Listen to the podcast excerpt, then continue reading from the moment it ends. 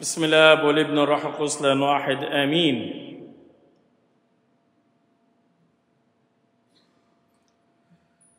نتأمل من مائدة الرب المقدسة في هذا الصباح المبارك تكملة لموضوع القربان المقدس. اليوم نتأمل أيضا في الجزء الثاني مائدة الرب اي الافخارستيه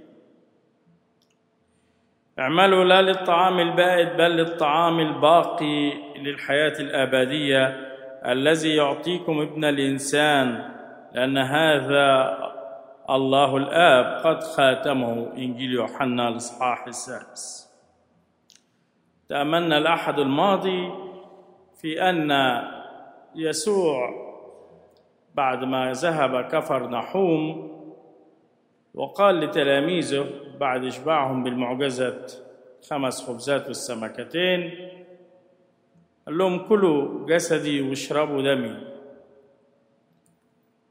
وكان هذا الموقف مغاير ومختلف تماما عن شريعة العهد القديم التي تحرم أكل لحوم البشر أي بمعنى القتل وأيضا إباحة الدماء. فكان موقف بالنسبة لهؤلاء في هذا الوقت يناقض شريعة موسى. ولكننا تأملنا الأحد الماضي ما الفرق بين كان شريعة موسى التي تحرم قتل الإنسان وبين يسوع الذي يتكلم ويقول كلوا هذا هو جسدي واشربوا هذا هو دمي. فممكن ترجعوا للجزء الأولاني حتى تربطوا الجزء النهارده. أيضا سنكمل الأسابيع القادمة في موضوع القداس، ما هي القداس؟ يعني إيه القداس؟ إيه أسامه؟ مش هتكلم عن الناحية الطقسية ولكن هتكلم عن الناحية اللاهوتية في مضمون القداس والذبيحة.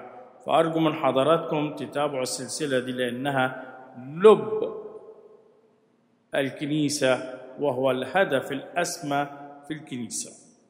النهاردة نكمل. يعني إيه مائدة الرب؟ يعني إيه إفخارستية يعني إيه الأربان يعني إيه العشاء السري؟ يعني إيه المناولة؟ كلها كلمات دي بنستعملها. كسر الخبز. كلها كلمات بنستعملها على الإفخارستية.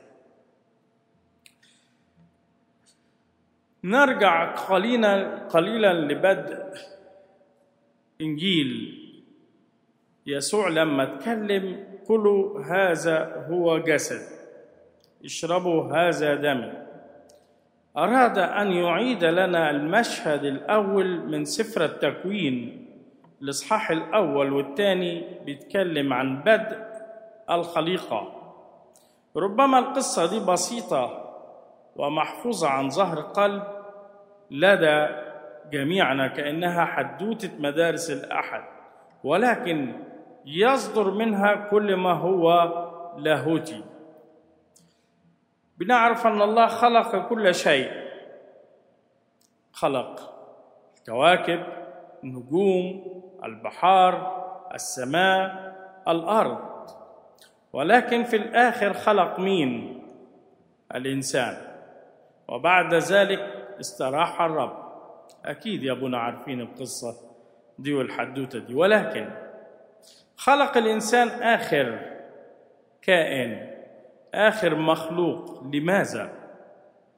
حتى يتمتع مع كل المخلوقات إيه كل المخلوقات؟ فيها جماد كواكب ونجوم وفيها كائنات زرع نبت عشب وحيوانات. وكلهم الله خلقهم في هرمونية واحدة انسجام واحد يسبحوا الله. كل ما هو مخلوق على وجه الأرض له دور فعال وأهمية لدى الله وأيضا لخدمة الإنسان. فكل الكائنات من زرع من نباتات من عشب من حيوانات تسبح الله. ولكن أفضلهم كان الإنسان. فكل المخلوقات والكائنات مع الإنسان كانت تسبح الرب. ولكن بعد شوية في تكوين التاني يقول لنا وغرس الرب الإله جنة في عدن شرق وضع هناك آدم الذي جبله يبقى عمل جنة عدن وضع فيها خلق مين؟ آدم. بيكمل سلسلة الخلق. وأنبت الرب الإله من الأرض كل شجرة شهية للنظر وجيدة للأكل وشجرة الحياة في وسط الجنة وشجرة معرفة الخير والشر. النص ده بيقول إيه؟ إيه الربط اللي بينه وبين الافخارستيه النهارده. بعد ما خلص الكائنات الأولى يقول لنا جبل مين آدم. خلق آدم. وعمل شجر شاهي للنظر. في أكل في شرب. وقال لنا وجيدة للأكل. يعني دي كانت أول نوع وجبة طعام.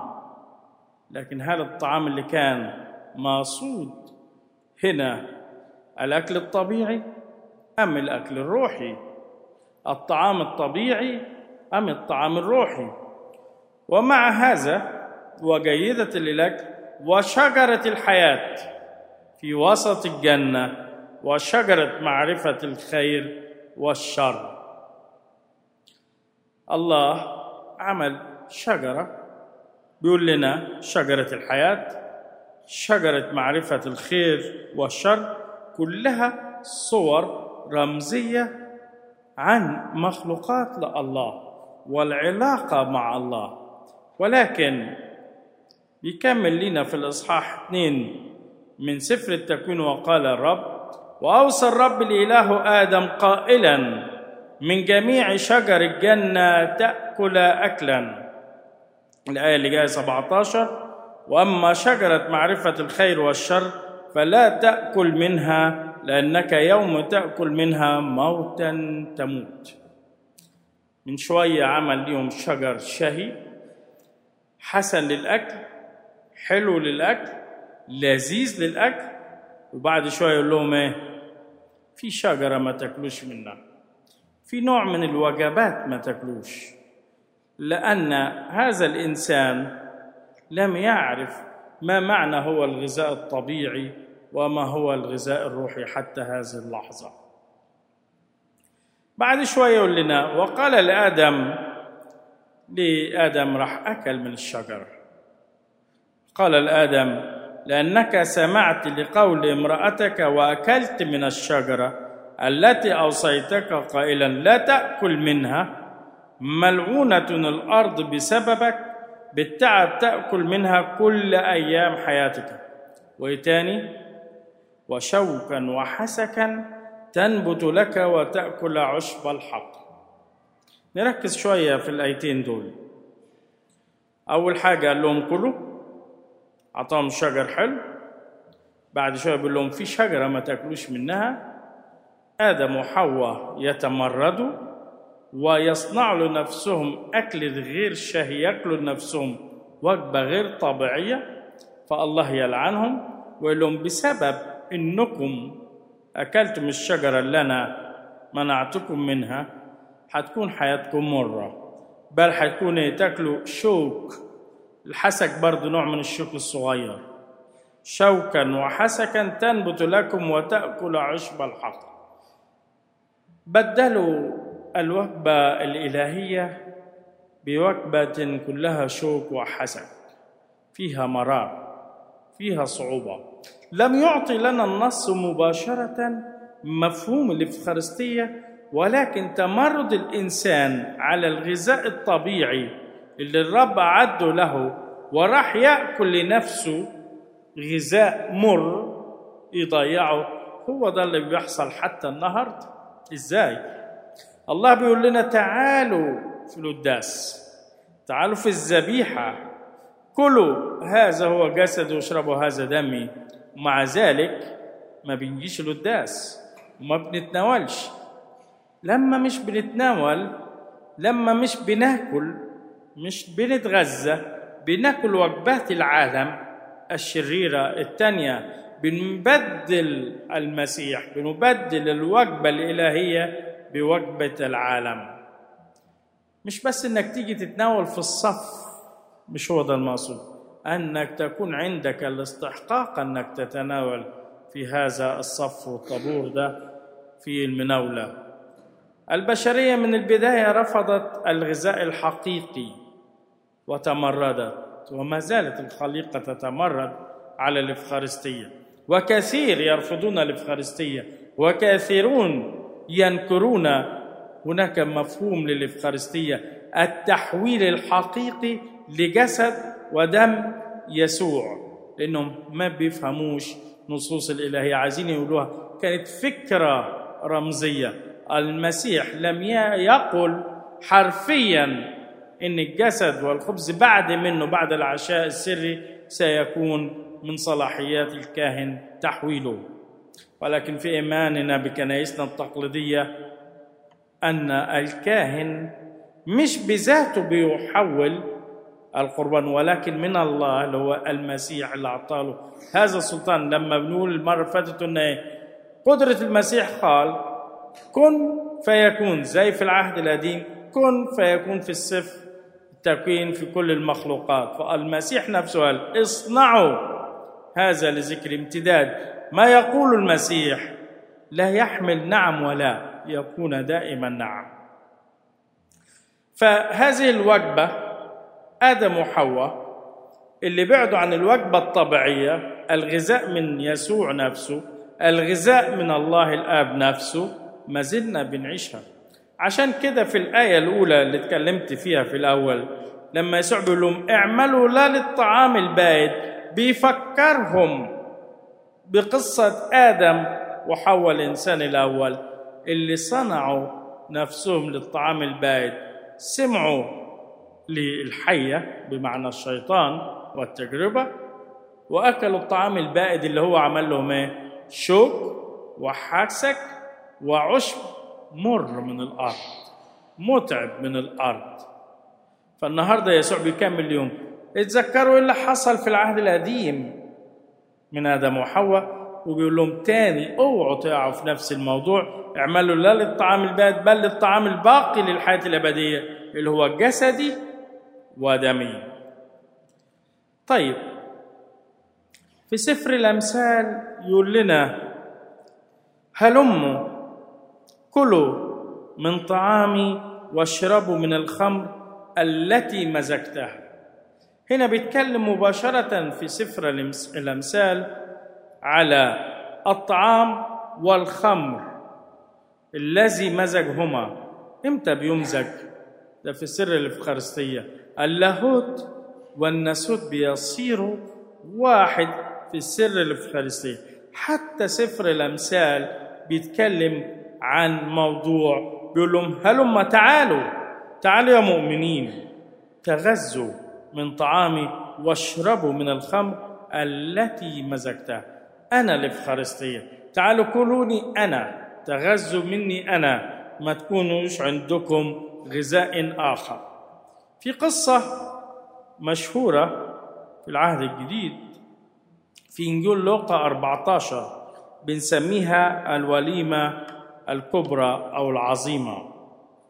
مرة من المرات بيقول لنا فلما سمع ذلك واحد من المتكئين قال له طوبى لمن يأكل خبز في ملكوت الله. يا بخت اللي يأكل خبز في ملكوت الله.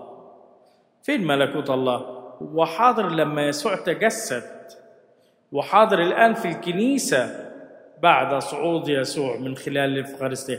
يعني يا بختكم يا مؤمنين اللي بتقدروا تاخدوا الغذاء الحقيقي مش الغذاء البائد زي بتاع آدم وحواء مش المن اللي نزل في أيام موسى ولكن جسد ودم يسوع. طوبى لمن يأكل خبزا في ملكوت الله. فقال له إنسان صنع عشاء عظيما ودعا كثيرين.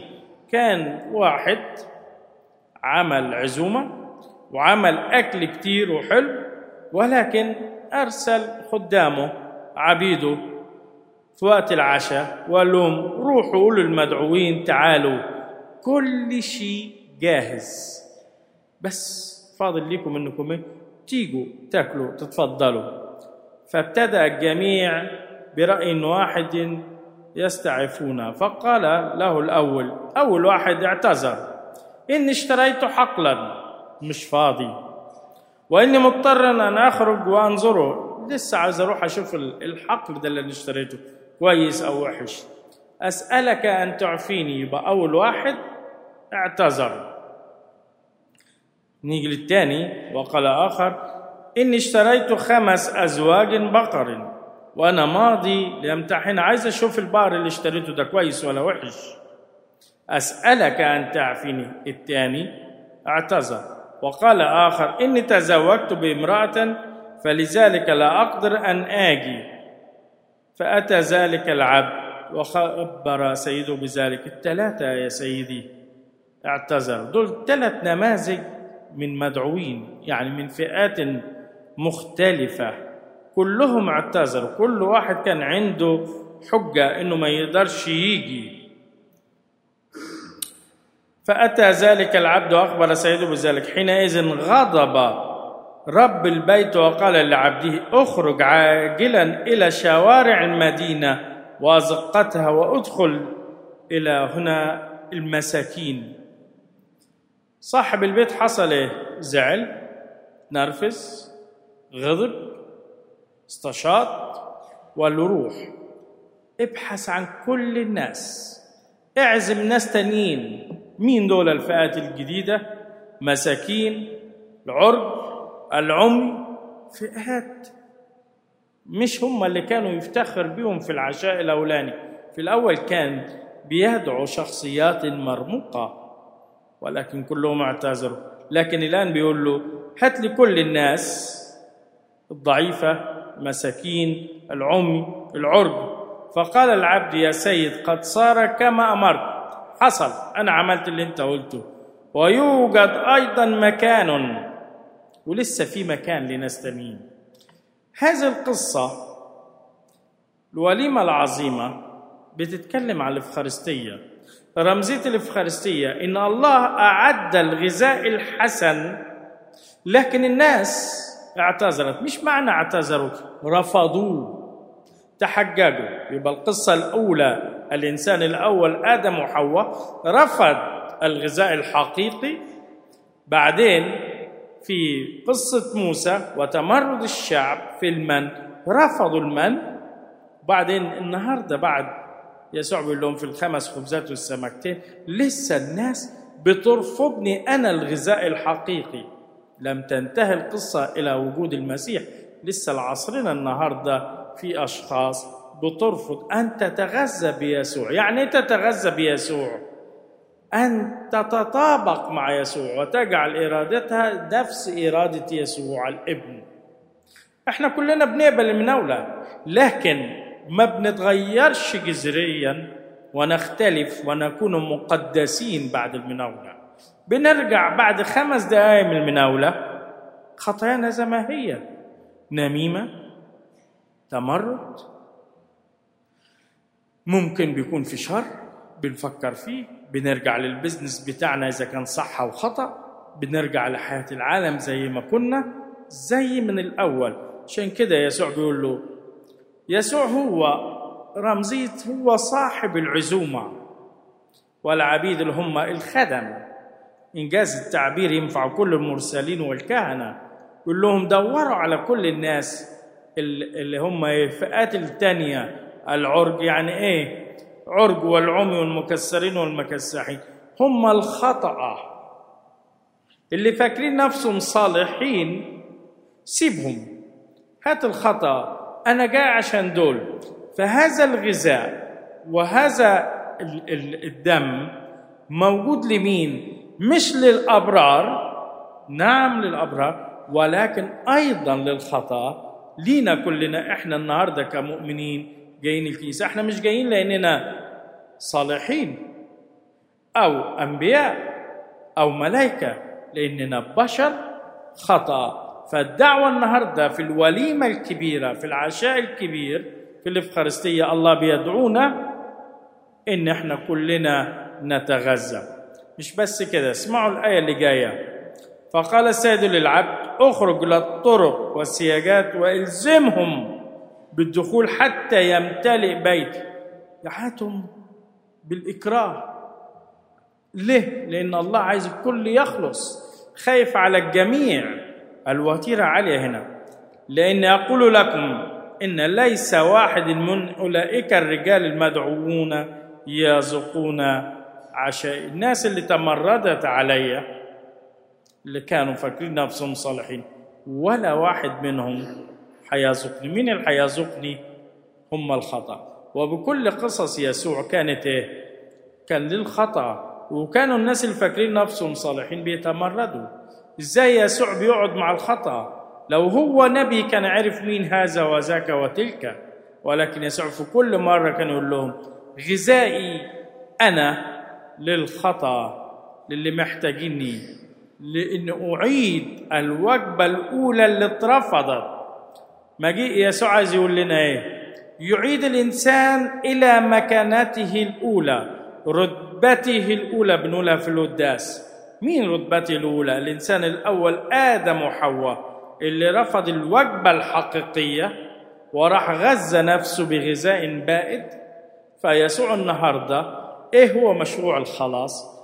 أن يرجعنا لمكانتنا الأولى، رتبتنا الأولى، كياننا اللي اتولدنا عليه، العلاقة المباشرة مع يسوع، عشان كده في الإفخارستية في لاهوتها إيه هدف الإفخارستية؟ إنك ترجع لكيانك الأول اللي اتخلقت عليه. مصر يسوع بالإلزام إنه يخلص الجميع، ولكن هناك أشخاص بيرفضوا هذا الخلاص. مش بس آدم وحواء اللي رفضوا الخلاص. ما زال حتى عصرنا النهارده في ناس كتيرة لسه بترفض الخلاص. عندنا تاني كمان في العشاء الأخير. يسوع بيقول لهم دلوقتي الوجبة الحقيقية. الوجبة الأولى اترفضت في جنة عدن بآدم وحواء وكل البشرية. دلوقتي هتكون الغذاء الحقيقي تعويض للي حصل في جنة عدن. أنا دلوقتي بيقول لهم إيه؟ في العشاء الأخير في إنجيل لوقا 22 أخذ خبزا وشكر وكسر وأعطاهم قائلا هذا هو جسدي. ده الغذاء الحقيقي الوجبة الحقيقية اللي اترفضت منذ البداية. الذي يبذل عنكم اصنعوا هذا لذكري. وبيدي الوصية اصنعوا هذا للذكر يعني تستمر. وبيكمل بعد العشاء هذه الكأس هي العهد الجديد. كان في عهد بين الله والشعب من العهد القديم كله ولكن كان في سقطات لكل البشرية لغاية يوحنا المعمدان لغاية يسوع ولكن يسوع جدد العهد تاني من جديد ولكن هذه المرة العهد اتجدد بمين؟ بشخص يسوع المسيح نفسه أعطاهم عهد جديد ولكن مباشرة المرة دي في العهد القديم كان إيه العهد القديم؟ صور رمزية عن جسد ودم يسوع المسيح الشجرة الوليمة نشوف في العهد القديم كانت إيه؟ خيمة الاجتماع قدس الأقداس مائدة خبز الوجوه ال 12 رغيف المن السماوي كانت كلها دي الصور عن هذا الغذاء لكن في العهد الجديد يسوع نفسه قال لهم أنا أصبحت حاضر الآن أمامكم. عشان كده اشربوا دمي وخذوا إيه جسدي كلوه حتى يكون لكم حياة أبدية. دي كانت اللقاء اللي فات واللقاء النهاردة مقدمة لمشروع القداس عايز حضراتكم يا ريت تلتزموا من الأسبوع اللي جاي في سلسلة إيه هو القداس لأن إحنا كتير من كنايسنا بدأت تفضى. في ظاهرة على مستوى العالم هنشوف الإحصائيات المرة الجاية على كل العالم على كل الكنايس الناس بدأت تبعد عن خبز الحياة. وأحديكم النسب الخطيرة في خلال السنين الأخيرة دراسة كبيرة وشيقة عن موضوع القداس تقسيماته ليه بيبدأ الأول بقراءات بعدين يعمل إفخارستية بعدين يعمل صلاة المؤمنين بعدين يدينا الغذاء مباشرة. هل هو اختراع كنسي أم هو إلهي؟ الله النهاردة بيعيدنا إلى جنة عدن اللي رفضناها ولكن بجنة عدن المرة دي يسوع هو سيد الحياة وإذا انضمينا إليه أصبحنا أصبحنا إحنا والمسيح واحد ولإلهنا المجد الدائم الأبد آمين.